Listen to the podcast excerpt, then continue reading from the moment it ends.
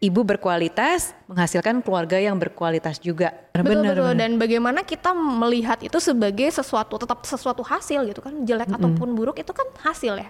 Ya, Tapi benar, bagaimana benar, benar. kita melihat kegagalan, keberhasilan itu tetap suatu hasil yang bisa achievement buat kita gitu.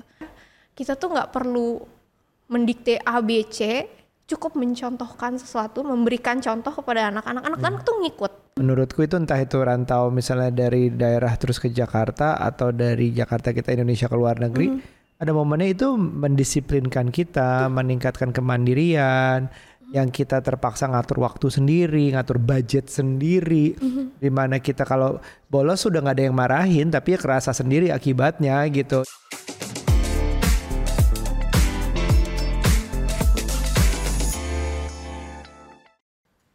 Parents, apa kabar? Kembali lagi di podcast Curhat Babu, curhatnya Bapak dan Ibu.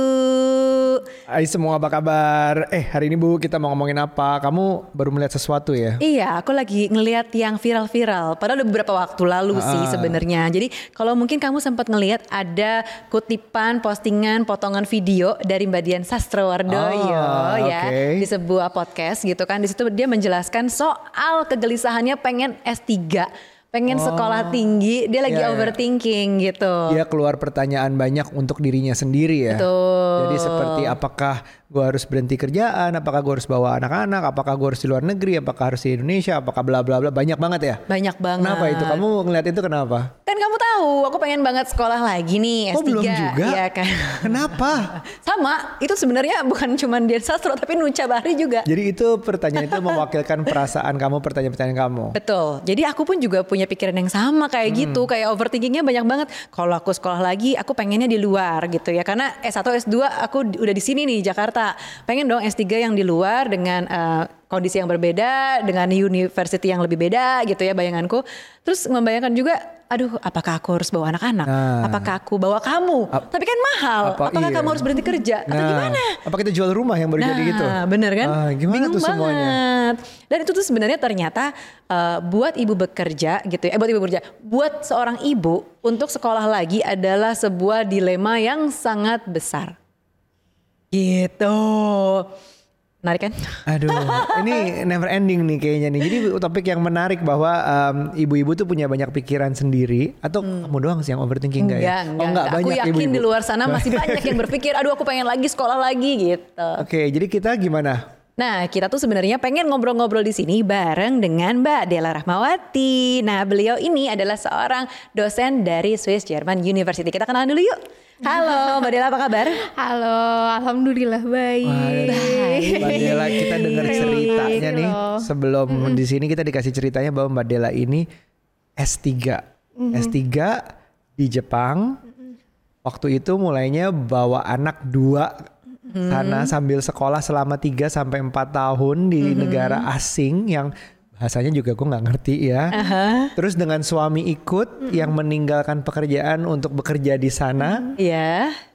Kayaknya banyak tuh, kayaknya dijawab, itu kayaknya ngejawab dia. Nah harusnya dia yang duduk sini ya. Benar, benar, benar. Mestinya Mbak Dian yang nanya-nanya kayaknya di sini ya.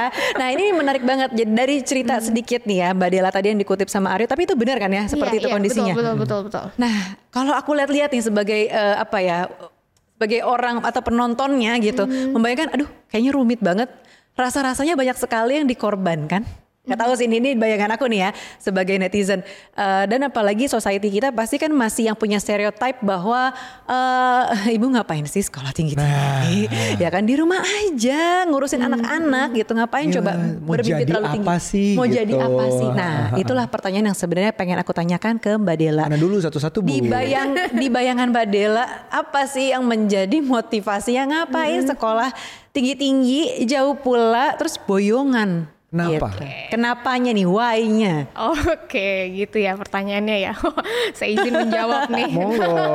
Terima kasih Mbak Nuca sama Mas Aryo ya.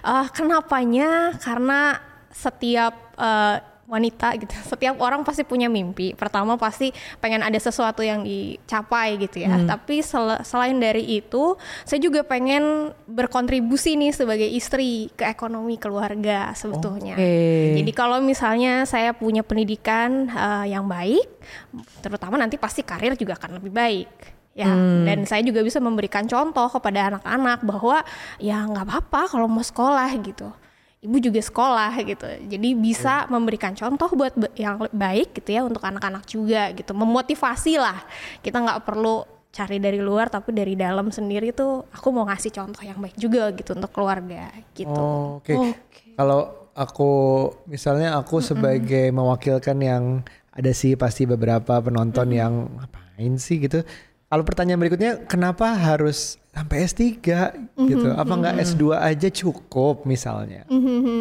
Iya, kenapa? Cum, uh, sebenarnya kita ngomongnya nggak mesti harus sampai S3 sebetulnya pasca okay. sarjana lah ya, yeah. karena mayoritas kita mungkin S1 sudah selesai Betul. gitu ya. Kenapa sih harus sampai pasca sarjana S2 dan S3?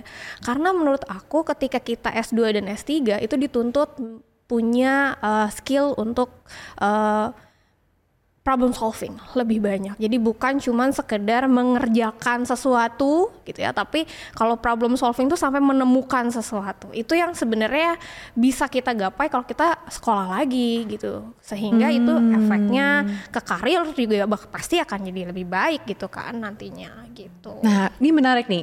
Hmm. Jadi itu sebenarnya uh, uh, sama yang di bayanganku gitu ya, bahwa untuk bisa melanjutkan studi gitu ya ke jenjang yang lebih hmm. tinggi lagi, lebih tinggi lagi gitu ini kan sebenarnya melahirkan qualified mom atau iya. ibu-ibu yang memang lebih berkualitas yeah, gitu yeah, kan. Yeah. Dan qualified mom ini juga penting nih karena okay. bisa menghasilkan qualified family. Benar. Jadi ibu berkualitas menghasilkan keluarga yang berkualitas juga. Ya, Terus ya, salah ya. satu contohnya tadi yang Mbak Dila sampaikan gitu ya, bahwa dengan menjadi ibu sekolahnya tinggi, sekolah tinggi itu kan dituntut untuk uh, problem, solving. problem solving gitu ya, di mana memang di dalam kehidupan sehari-hari kadang kita suka melihat ada orang yang stuck dengan nggak bisa jadi problem solver hmm. ya kan, sementara mungkin di kita kita ini, uh, eh kok kita aku kan belum selesai sekolah, aku belum S2 lah, kamu udah oh, S2 iya, iya, iya, aku udah ya kita pasti bisa pada level yang tadi ya mm-hmm. menjadi problem solver gitu mm-hmm. buat keluarga karena di setiap keluarga pasti masalahnya banyak dan bagaimana cara kita bisa apa mengatasi segala masalah ujian gitu itu ternyata hmm. ngaruh banget ke anak-anak. Jadi kalau misalnya aku melihat S1 itu uh, masih banyak nih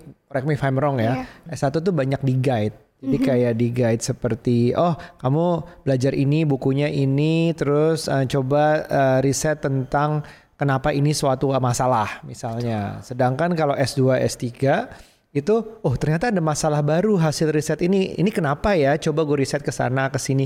Apakah hmm. seperti itu berarti? Betul betul. Bahkan, jadi ada level yang berbeda ya. Gimana tuh? Ada lebih detail lagi nggak bisa menjelaskan? Karena aku tuh malah sekolah sebenarnya tapi pengen tahu bedanya apa iya, gitu. iya betul betul. Jadi tuntut untuk uh, problem solving betul. Dan kalau sampai S3 bahkan bisa menemukan sesuatu yang baru. Betul. Betul. Hmm. itu yang makanya jadinya uh, kitanya juga skillnya tuh terasah secara tidak langsung ya dan itu bukan cuman ya tadi untuk bukan efeknya cuman untuk kerja tapi ya bagaimana solving problem masalah di rumah tangga yeah, iya. misalnya atau uh, bahkan sesederhananya time management gitu karena oh. apalagi ya waktu saya sudah punya anak gitu ya, time management itu kan benar-benar dituntut gitu ketika kita harus bersekolah, kemudian setelah bersekolah, kemudian uh, apa namanya anak-anak juga mm -hmm. masih butuh perhatian, itu yeah. time management juga penting gitu. Ini tuh okay. relate banget ke keluarga sebenarnya. Mm. Jadi kayak kayak menurutku aku menemukan kalau di S1 sarjana aku hmm. tuh lebih ditentukan nama ada leadernya kayak dosennya untuk menentukan nih kamu benar kamu salah uh, yeah. harusnya begini. Sedangkan yeah. kehidupan di dalam keluarga yang aku temukan karena keluarga itu nggak ada sekolahnya, kita tuh banyak menemukan hal baru dengan berkeluarga. Yeah, Mungkin di S2, sih. S3 juga menemukan oh diatur time managementnya seolah-olah kita yang harus mengatur diri kita sendiri dan menyesuaikan kita mau ke mana mau ngapain sama halnya dengan keluarga jadi benar-benar nggak ada yang dibilang itu benar atau salah hasilnya ya nanti lihat aja keluarga lo kayak gimana nanti anak lo benar apa enggak it's all you it's all us gitu loh Iya. Hmm, Mirip banget bener, ya. Betul bener, betul. Bener. Dan bagaimana kita melihat itu sebagai sesuatu tetap sesuatu hasil gitu kan jelek mm -hmm. ataupun buruk itu kan hasil ya. Ya, Tapi benar, bagaimana benar, benar. kita melihat kegagalan, keberhasilan itu tetap suatu hasil yang bisa achievement buat kita gitu. Itu yang kita pelajari ketika kita sekolah pasca sarjana menurut ya, saya ya, ya, ya gitu. Jadi apa pun itu tetap harus bisa jadi sesuatu, harus bisa jadi Ya, value ya. yang bisa kita ambil. Hmm. Gitu. Ditambah lagi ini di negara asing. Iya. Negara asing yang nggak umum. Sebenarnya menurutku yang umum adalah ya pertama di Indonesia bahasa yang udah diri sendiri. Terus kedua bahasa Inggris. Negara yang berbahasa Inggris mungkin sedikit lebih gampang karena kita belajar bahasa kedua biasanya Inggris. Nah ini bahasa baru lagi. Kenapa Jepang? Apakah karena subjeknya ada di sana? Apakah karena uh, ternyata mau uh, dari kecil penggemar Doraemon mungkin atau gimana? Kenapa Jepang? Iya betul.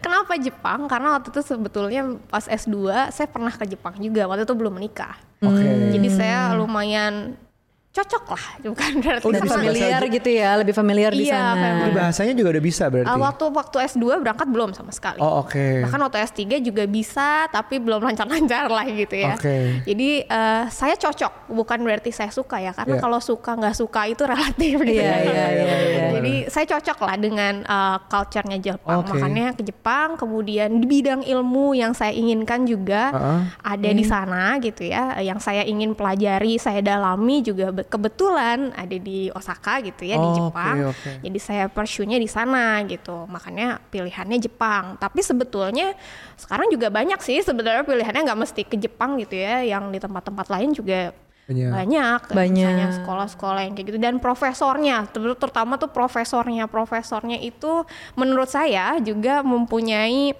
em, value yang kurang lebih mirip lah. Jadi dia mengerti bahwa kalau eh, perempuan sudah menikah itu pasti ada Challenge ya. Iya challenge dan tuntutan di rumah. Jadi bukan cuman hanya di sekolah harus perform, tapi di rumah juga kan harus anak harus diurus dan segala macam. Dan itu yang diterima oleh profesor saya dan universitas ngerti, juga. ya. Iya, dan mereka mau ketika eh, profesor saya mengerti kondisi saya, maka ya oke. Aku mau gitu berangkat. Jadi pertimbangannya mirip-mirip sama Mbak Nucha lah. Nggak, nggak mudah untuk Nggak berangkat mudah. itu. Pertimbangannya A, B, C, D, E, F, G gitu. Tapi gimana sih challenge-nya waktu akhirnya di Iya, Jepang? pengen tahu deh. Bawa, bawa keluarga. Pada saat itu bawa keluarga, anak-anak masih kecil-kecil usia berapa tuh? Nah, challenge apa sih yang ditemuin? Karena kan nih pasti kebanyakan di sini yang nonton nih para ibu gitu ya, calon ibu yang memikirkan, aduh kalau ke sekolah lagi nanti rempong ya. Nah, Nino, nah Ninonya banyak banget. Apa nih yang ditemukan, eh, challenge apa yang ditemukan Mbak Dela? Ya itu uh, time management ya pasti ya. Gimana caranya tetap bisa tetap mengurus anak tapi di sekolah juga perform itu tantangan banget. Jadi uh, untuk supervisornya pemilihan profesor itu dari awal uh, bolak-balik mm, menjadi pertimbangan gitu. Saya komunikasikan di awal bahwa saya sudah punya anak dua. Uh, saya ingin terus sekolah apakah sensei nggak apa-apa? gitu kan. Kamu bilangnya profesornya tuh sensei sensei nggak apa-apa gitu. Dengan kondisi seperti itu itu sebenarnya yang saya aplikasikan juga ketika saya bekerja di SGU gitu bahwa uh, kita bilangnya lifelong coaching gitu. Jadi bahwa uh, kita tuh bukan cuma ngajar tapi kita juga care gitu sama life balance-nya mahasiswa kita mahasiswa kita. Gimana kita mau perform di sekolah kalau misalnya life balance nggak nggak balance gitu kan. Iya, iya, Iya, gimana kita mau perform tapi di rumah dua anak gimana ya gitu. Nah itu yang pasti challenging pertama ngerti. tuh ber- berkali-kali saya mengkomunikasikan itu dengan profesor gitu. Profesor dan ini universitas nggak apa-apa kah menerima ibu gitu? Bukan satu lagi dua. Ya, anaknya benar. gitu ya. Pasti kalau anak sakit di telepon daycare harus cepat jemput dan pulang itu bagaimana gitu ya Tapi itu, aku masih nggak, aku nggak bayang sih kalau kita kayak gitu. Coba ya kita bayangin ya. kita pindah ke suatu negara yang bahasanya kita baru belajar, Mhm. terus udah gitu kita bawa dua anak. Um, udah pasti di negara yang lebih maju artinya gaji seperti Mbak Neni itu pasti Nggak ada. nggak ada, ngelakuin semuanya sendiri. Ah, aku nggak kebayang sih bisa. Aku mungkin nyerah kali. Kamu kamu gimana bayangin? Nah itu juga yang jadi kekhawatiran apa iya kalau yang namanya sekolah di ke jenjang selanjutnya itu harus ke luar negeri gitu. Nah ini mungkin eh, Mbak Dela juga mau berbagi sama kita nih ada pilihan lain gak sih alternatif lain selain kayak oh mempi- harus memikirkan sekolah keluar bawa boyong anak-anak apa enggak dan lain-lainnya sebenarnya alternatif apa sih yang bisa kita konsiderasi gitu. Oh sekarang nih kalau menurut saya lebih fleksibel dibandingin zaman waktu saya berangkat ya 2019 itu COVID baru mulai waktu itu pas pas COVID ya. COVID Oke, kan oke, oke, oke. jadi waktu itu sempat eh, nggak bisa juga ke kampus karena waktu itu saya science ya harus nge-lab gitu harus ngerjain eksperimen di Iya, lab dan iya, segala iya. macam oke oke. Ya. Nah saat ini tuh udah mulai banyak uh, universitas yang menawarkan hybrid class. Oke. Okay. kayaknya dari COVID mereka belajar iya, ya belajar bahwa hybrid itu bisa gitu. Betul betul betul. Karena itu memang lebih memudahkan sebetulnya dan secara time management juga dan itu yang sebetulnya ditawarkan oleh kampus saya tuh SGU kan okay, gitu. Okay. Jadi dia punya program pasca sarjana hybrid hybrid. Jadi uh, buat ibu-ibu yang mau lanjut sekolah gitu ya. S2 ya. S2 hmm. ya, itu bisa gitu. Jadi setengah di kampus, kapan memang harus ke kampus, ke kampus tapi bahwa misalnya nanti eh, nggak uh, bisa gitu ya, kita tawarkan untuk program online kelasnya. Gitu. Ini sebenarnya ngelatih ya. Aku ngebayangin di rumah lagi um, manajemen waktu sendiri mm -mm. untuk oke, okay, misalnya bilang ke suami dan anak-anak, aku nggak bisa diganggu dari jam segini sampai jam segini ya, tapi ada break jam segini, nanti kita bisa mungkin makan siang bareng atau hmm. apa bareng aku bisa ini tapi nanti ya jam segini jam segini tolong jangan diganggu itu bisa ya sebenarnya dan itu menghemat kayak harus jalan ke kampusnya hmm. uh, macet atau gimana gitu kayaknya it bisa it can work ya Iya itu juga sebetulnya yang waktu kebetulan ya anugerah covid buat saya itu mm. ada karena online jadi begitu ada seminar yeah. dan iya. lain-lain online jadi memang waktu itu juga betul kata Mas Aryo jadi jam segini bubu sampai jam misalnya jam 9 sampai jam 12 mm. bu meeting ya gitu anak-anak main di depan gitu yeah, aku yeah. di iya. kamar gitu nanti setelah itu ya betul makan siang bareng sampai uh. sore bisa itu yang memang saya rasakan oh iya ternyata hybrid itu ternyata menyenangkan ya gitu belajar dari yeah, covid yeah. gitu ya dan karena profesor saya juga ya itu tadi uh, sangat merestui lah ibaratnya mm -hmm. mengerti bahwa wanita sudah berkeluarga itu juga punya tuntutan di keluarga sehingga ya hybrid itu menjadi lebih fleksibel gitu bahwa ya lifelong coaching juga saya terapkan gitu ke mahasiswa saya di SGU bahwa saya nggak oh, pokoknya saya nggak mau tahu pokoknya tugas dikumpulin nggak menjadikan saya dosen yeah, yang yeah, seperti yeah. itu itu juga saya belajar ya oh. learning to understanding ya, uh, kenapa tugasnya belum selesai ya, gitu, gitu ditanya kan, dulu gitu ya, ya. ya. benar-benar nggak kebayang sih ya kalau misalnya terlalu apa ya terlalu kaku dengan segala macam peraturan yang mhm. kayak kita zaman dulu lah kuliah gitu kan yeah yeah. Rasanya sulit ya dengan kondisi sekarang yang menjadi seorang ibu dengan Bener. banyak ketidakpastian di keseharian kita kan. Dan Tapi kalau punya dari Jepang loh. Maksudku yeah, aku tahunya Jepang tuh yang strict, yeah. yang kayak um, bener bener bener. Teman-teman kerja di perusahaan Jepang jam segini harus datang dengan nyanyi lagu apa, selamat hmm. pagi segala macam, terus baru mulai kerja. Pokoknya harus tegak, harus apa gitu. Betul. Tapi ternyata mereka sudah Betul, berubah ya, sudah betul. mengerti ya. Karena sekarang rasio perempuan bekerja itu mengalami peningkatan. Begitupun hmm. di Jepang. Jadi Jepang tuh pengen mereka enhance orang-orang wanita itu ayo bekerja gitu. Okay. Makanya mereka mau. Makanya itu juga yang ya saya dapat privilege nih yeah. belajar di Jepang seperti itu itu yang saya terapkan juga di SGU bahwa yeah. ayo perempuan-perempuan nggak perlu takut lagi lah sekarang sekolah gitu makanya kita selalu ya ulang yeah. lagi lah saya selalu bilang bahwa jangan sebut kami lectures profesor atau associate professor kita nih coach lifelong coach saya mahasiswa saya datang tiba-tiba jam uh, WA gitu jam 9 malam, "Mi, saya pusing bla bla bla." Ya bisa, nggak apa-apa, curhat aja. Wow. You know? wow. itu yang kita lakukan gitu di SGU. Ya. Jadi ya. gitu ya oh, untuk melanjutkan ya? sekolah lagi tuh nggak mesti keluar negeri gitu benar, ya. Benar. Karena di sini aja di dalam kota aja gitu ya udah ada Swiss German University Bener. ini yang memang menawarkan hybrid class program mm -hmm. gitu ya. Jadi bisa belajar secara online, ya. bisa offline ke kampus juga, mm -hmm. tapi uh, juga ternyata dengan guru-guru atau dengan dosen-dosen nih yang uh, apa ya sebutan nanti lifelong coach gitu ya. Jadi bukan benar-benar dosen yang zaman dulu kita mikirnya, wah dosen begini, dosen gitu kaku banget nih dan lain-lain. Mm -hmm. Ternyata memang uh, ada kelebihannya untuk bisa menerima situasi dari para murid-muridnya, terutama oh. nih mungkin buat yang ibu-ibu ibu. Nah, mungkin pertanyaanku juga nih, sebagai ibu-ibu yang kita suka menjadi menteri keuangan gitu kan, kita pasti Perdana mikir menteri. dong Oh iya benar. Karena menteri semuanya kalau semuanya ya. menteri keuangan kita kan harus mikirin ya budgetnya berapa. Aduh ya. dari mana nih bayarnya ya, ya. kapan nih? Aduh mahal dong. Ah jadi kayak mengurungkan niat lagi gitu. Nah ini secara budget gitu ya eh, ada program yang ditawarkan kah buat kita para ibu-ibu yang pasti kan punya pengeluaran banyak. Betul itu salah satu aspek yang sangat penting. Itu juga iya. yang saya pikirkan ketika mau sekolah beasiswa. Waktu itu juga saya beasiswa.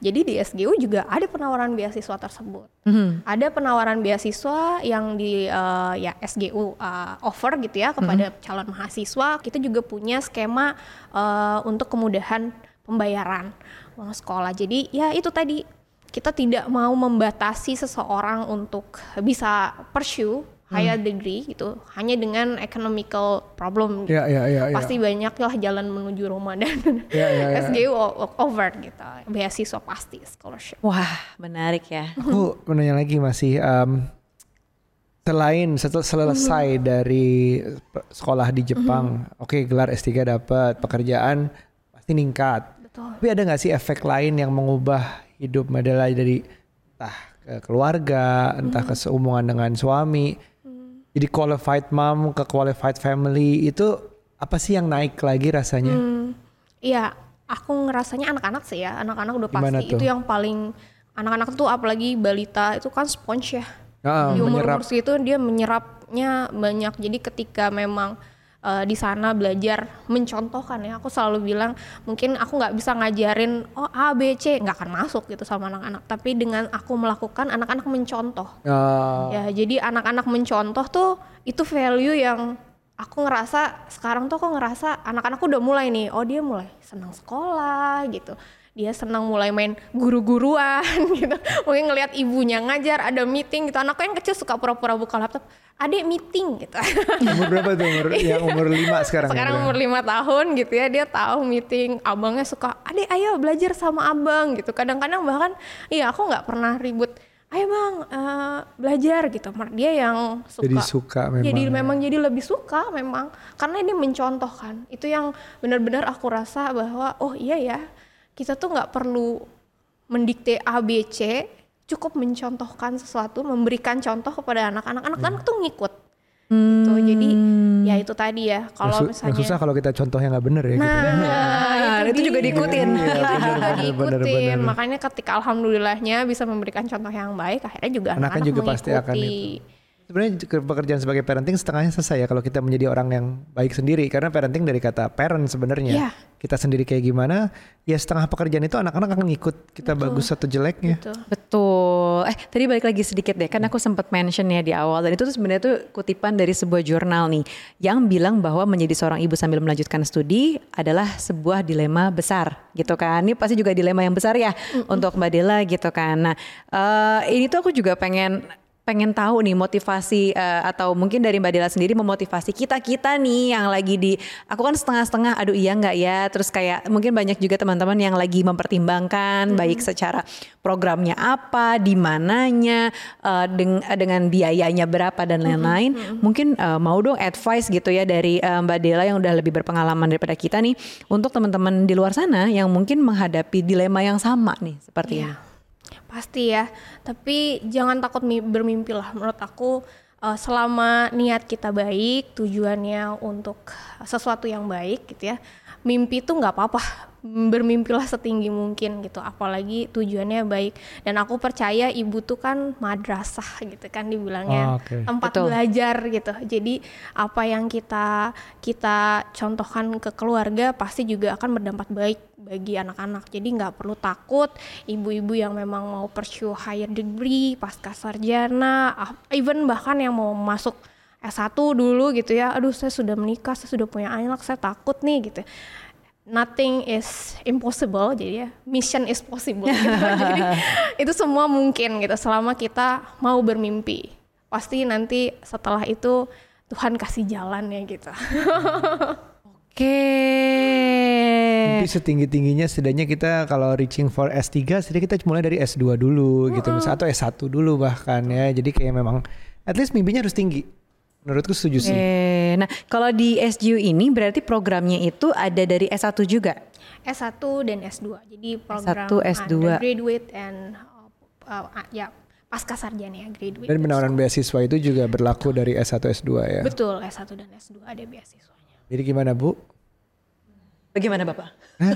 Kita nggak usah pindah negara berarti kan kalau kayak gitu? Iya, pindah rumah aja deket kampus. Oh gitu. Beli lagi nih. SGU juga menawarkan program internasional juga ya. Jadi Gimana tuh gimana? double degree Oh ada yang sebagian waktunya di spend di, luar. luar negeri. Jadi kalau yang tadi bilang wah enak bisa keluar negeri di SGU juga bisa keluar negeri gitu. Ah. dan time-nya lebih fleksibel. Karena ada gitu. momennya di saat uh, kita merantau, Mhm. menurutku itu entah itu rantau misalnya dari daerah terus ke Jakarta atau dari Jakarta kita Indonesia ke luar negeri, Mhm. ada momennya itu mendisiplinkan kita, meningkatkan kemandirian, yang kita terpaksa ngatur waktu sendiri, ngatur budget sendiri, mm-hmm. di mana kita kalau bolos sudah nggak ada yang marahin, tapi ya kerasa sendiri akibatnya gitu. Yang kayak gitu kayak gitu tuh merantau tuh udah nggak bisa dikit-dikit balik ke orang tua mm-hmm. untuk ngeluh ada suatu masalah. Yang kayak gitu kayak gitu tuh kayaknya itu naik level juga sih. Jadi bagus sih kalau ada ada program yang sebagian di Indonesia. Jadi kalau belum pernah merantau, ya setidaknya separuh dirantau gitu. Betul, betul, betul. Oke, menarik banget nih. Nih mungkin uh, ada ada closing statement juga dari Mbak Dela buat kita semua, buat para super mom, super ibu-ibu yang nonton uh, untuk apa ya, nggak takut untuk bermimpi. Karena kan pasti untuk bilang ke pasangannya bener, mungkin. Benar, yeah. benar. Silahkan Mbak Dela. Apa yang bisa disampaikan silahkan, gitu. Silahkan. Kalau bilang ke pasangan pasti ya, tapi yang penting pasti support system itu penting juga. Jadi betul dikomunikasikan lah. Jangan sudah takut terus tidak malu untuk mengkomunikasikan. Punya mimpi itu gak jelek gitu.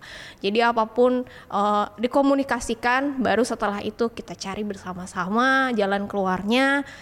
Jadi kalau support system sudah oke okay, gitu ya, mimpi itu akan lebih mudah untuk dicapai gitu ya. Betul. ya. Dan anak-anak jangan khawatir, anak-anak tuh sangat lebih mudah mengerti kondisi gitu ya. ya, ya, ya. Selama itu tadi niatnya baik, pasti hasilnya juga akan baik.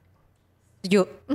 Setuju. Jadi aku sama nih aku juga sa sambil uh, summarize dari obrolan kita di episode kali ini bahwa semuanya tuh berawal dari mimpi. Jangan mm takut untuk bermimpi mau apa pun. Mungkin salah satunya Mbak Dela atau aku mimpinya adalah untuk sekolah lagi. Nah, ini berlaku mungkin ada yang dari D3 pengen ke S1, S1 pengen ke S2 atau yang sudah S2 pengen S3 ya. gitu ya. Selalu ada jalan ke sana tinggal di mananya dengan pertimbangan ya. apa, uh, lebih bisa consider dengan banyak hal gitu ya. Dan tadi disampaikan juga sama Mbak Dela bahwa alternatif atau opsi lainnya gitu ya. Tadi kan kita bermimpi, aku bermimpi bahwa wah sekolah tuh harus keluar negeri. Padahal sebenarnya enggak. Di sini pun kita juga ada SGU, Swiss German University. Ada course-nya, programnya dari S1, S2 gitu ya. Dan juga hmm course ya uh, kalau nggak mau program panjang gitu ya uh, misalnya nih untuk S2-nya kelasnya juga ada di weekend gitu dan juga bisa hybrid tadi jadi bisa secara online belajar baik ke kampus juga bisa offline gitu ya. Jadi tenang aja gitu ya untuk program-programnya ini sangat menarik banget. Dan juga uh, langsung klik link ya di video description di sini untuk dapetin special offernya atau kontak hotline master SGU yang tertera di bawah ini. Oke? okay? Mungkin satu lagi aku mau nambahin untuk para suami-suami yang memikirkan untuk mendukung istrinya untuk maju. Jadi menurutku istri untuk maju, pasangan yang maju itu qualified mom menghasilkan qualified family itu setuju banget karena suatu saat itu akan meningkatkan kualitas conversation di rumah, akan meningkatkan kualitas pendidikan atau bagaimana kita mendidik anak di rumah. Mm-hmm. Karena itu akan otomatis istri itu bukan cuma untuk yang mengurus di rumah iya itu boleh jadi tanggung jawab istri tapi untuk selalu belajar selalu naik itu benefitnya bukan ke istri doang kok mm. tapi ke kita sendiri sebagai suami dan juga sebagai anak-anaknya itu pasti naik mm. semua jadinya Setuju, setuju, setuju. Terima kasih Mbak Dela udah hadir di podcast Sama-sama. kita kali ini. Uh, terima kasih juga parents yang udah nonton. Jangan lupa untuk like, subscribe, dan juga share konten ini ya. Boleh colek-colek uh, pasangannya. Siapa tahu oh. mau sekolah lagi ya kan? Kirim aja tuh. Betul. Sampai ketemu lagi di episode selanjutnya. Bye.